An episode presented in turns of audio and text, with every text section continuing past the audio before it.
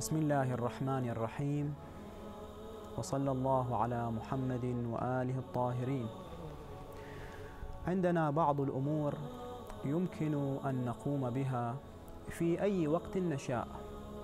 في الصباح في المساء كنا في حضر كنا في سفر بشكل قليل بشكل كثير ضيق واسع.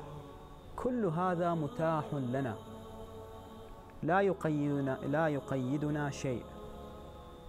لكن عندنا بعض الأمور محدودة بوقت بقيد بشرط بمكان بزمان. هذه الأمور تسمى الفرص. الفرص تارة تكون فرص خير وتارة تكون فرص شر أو خل نقول غير الخير. يوم من الأيام رسول الله صلى الله عليه وآله نزل في الطائف عند أحدهم فأضافه أكرمه. هذا الرجال أكرم رسول الله صلى الله عليه وآله. جت السنة على السنة لما بعدين قالوا له تتذكر محمد بن عبد الله صلى الله عليه وآله؟ قال إيه ذيك السنة أنت ضيفته. ساعة كذا يوم الفلاني كذا قال إيه؟ قالوا تراك صاير نبي عنده دعوة عنده رسالة. قال عجيب. فشد أمتعته وذهب مسافرا إلى رسول الله صلى الله عليه وآله. فقدم عليه في محضره الشريف وسلم عليه وأسلم. ثم قال لرسول الله صلى الله عليه وآله أتعرفني يا رسول الله؟ قال له من أنت؟ قال أنا أضفتك في الطائف يوم كذا وكذا. قال نعم سل ما تشاء. قال له سل ما تشاء. قال أريد مئتي شاة برعاتها. شاة هي الخروف برعاتها. الحين واحد يمكن يشوف أن هذا الطلب هين. لكن في وقته كان ثروة 200 شاة. رسول الله في نفس الوقت قال للأصحاب الذين كانوا في محضره الشريف أعطوه.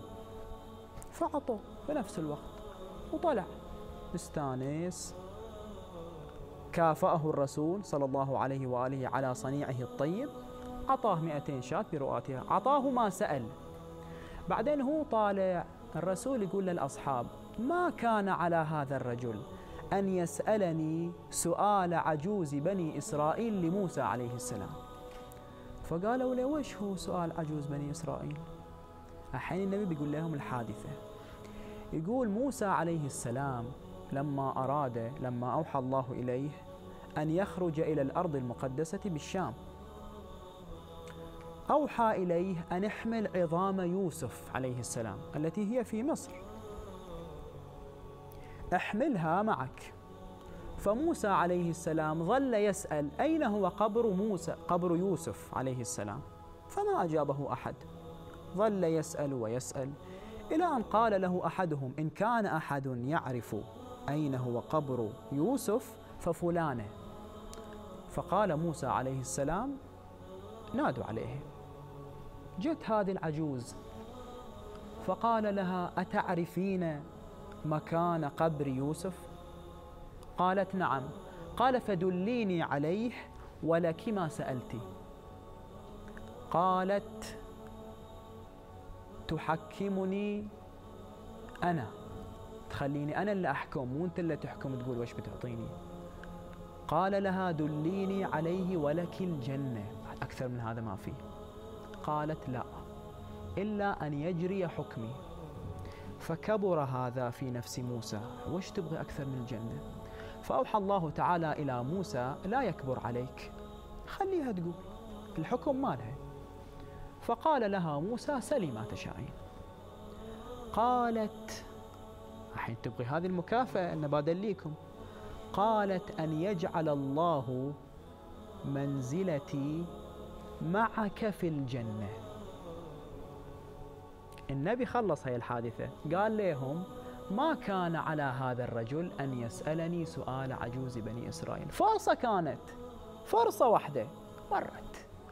لذلك أمير المؤمنين يقول الفرص أو الفرصة تمر مر السحاب. فانتهزوا فرص الخير. السؤال زين إذا واحد ما كان يدري هذا خير. إذا يسوون تخفيضات ويسوون عروضات.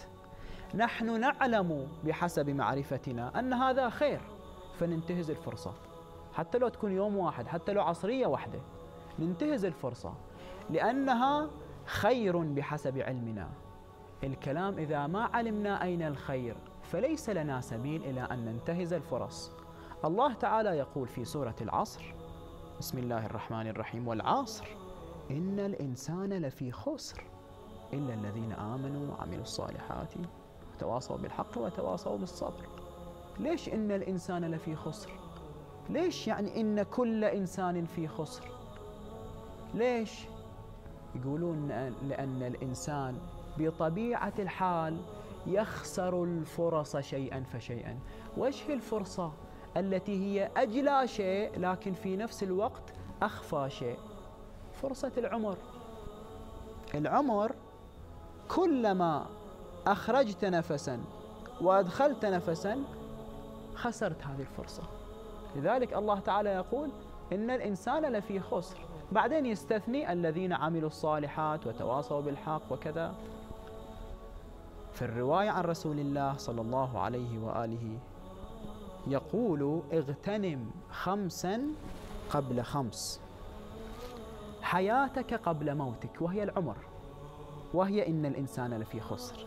حياتك قبل موتك وصحتك قبل سقمك وفراغك قبل شغلك وشبابك قبل هرمك وغناءك قبل فقرك. هذه الأمور التي أشار إليها رسول الله هي الأمور العامة. إذا نظرنا إليها بنظر العاقل كانت لنا سنة سنها لها سنها لنا رسول الله صلى الله عليه وآله. وما أحلى أن نتبع سنته ناظرين إلى أنه هو الذي جعلها لنا لأنه يحب أن نحيي سنته والحمد لله رب العالمين.